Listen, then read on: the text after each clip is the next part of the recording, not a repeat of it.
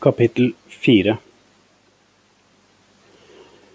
Videre sier jeg at arvingen, så lenge han er barn, ikke skiller seg ut fra en slave, selv om han er herre over alt. Men han er under formyndere og husholdere inntil det tidspunkt som er fastsatt av faren. Slik er det også med oss. Da vi var barn, var vi trelldom under verdens makter. Men da tidens fylde kom, utsendte Gud sin sønn, født av en kvinne, født under loven, for å kjøpe fri de som var under loven, for at vi skulle få del i barnekåret.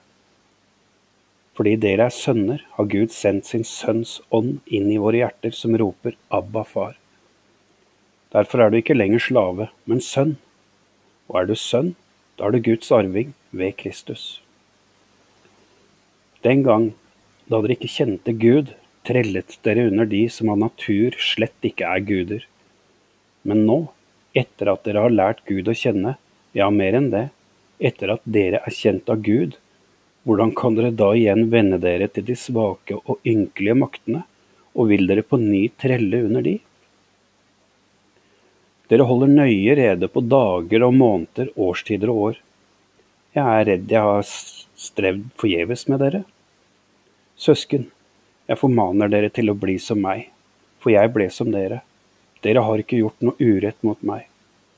Dere, var, dere vet at det var av menneskelig svakhet jeg forkynte evangeliet for dere første gangen.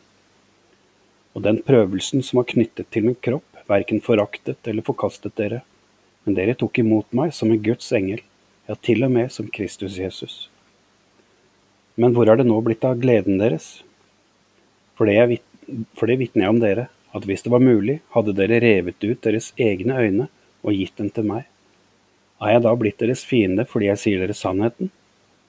De lokker dere med stor iver, men det fører ikke til noe godt. Ja, de ønsker å skille dere ut for at dere skal være ivrige for dem. Men det er godt å være ivrige for det gode til enhver tid, og ikke bare når jeg er til stede hos dere. Mine små barn, som jeg igjen har fødselsveier med inntil Kristus får skikkelse i dere. Jeg ville gjerne være til stede hos dere nå, så jeg kunne endre tonefallet, for jeg har mine tvil om dere.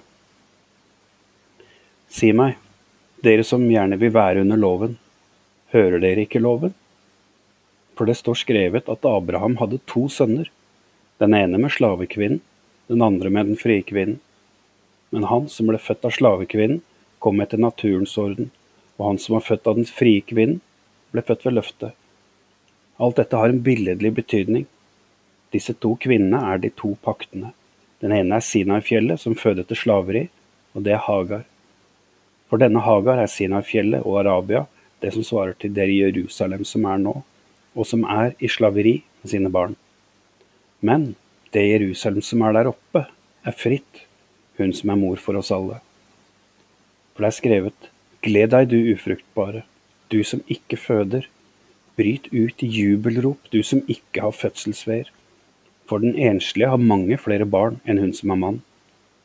Søsken, nå er vi løftets barn slik Isak var, men på samme måte som han, som ble født etter naturens orden, den gangen forfulgte hun ham som ble født etter ånden. Slik er det nå også. Men hva sier Skriften? Driv ut slavekvinnen og hennes sønn, for slavekvinnens sønn skal ikke arve sammen med den frie kvinnens sønn. Søsken, vi er altså ikke barn av slavekvinnen, men av den frie kvinnen.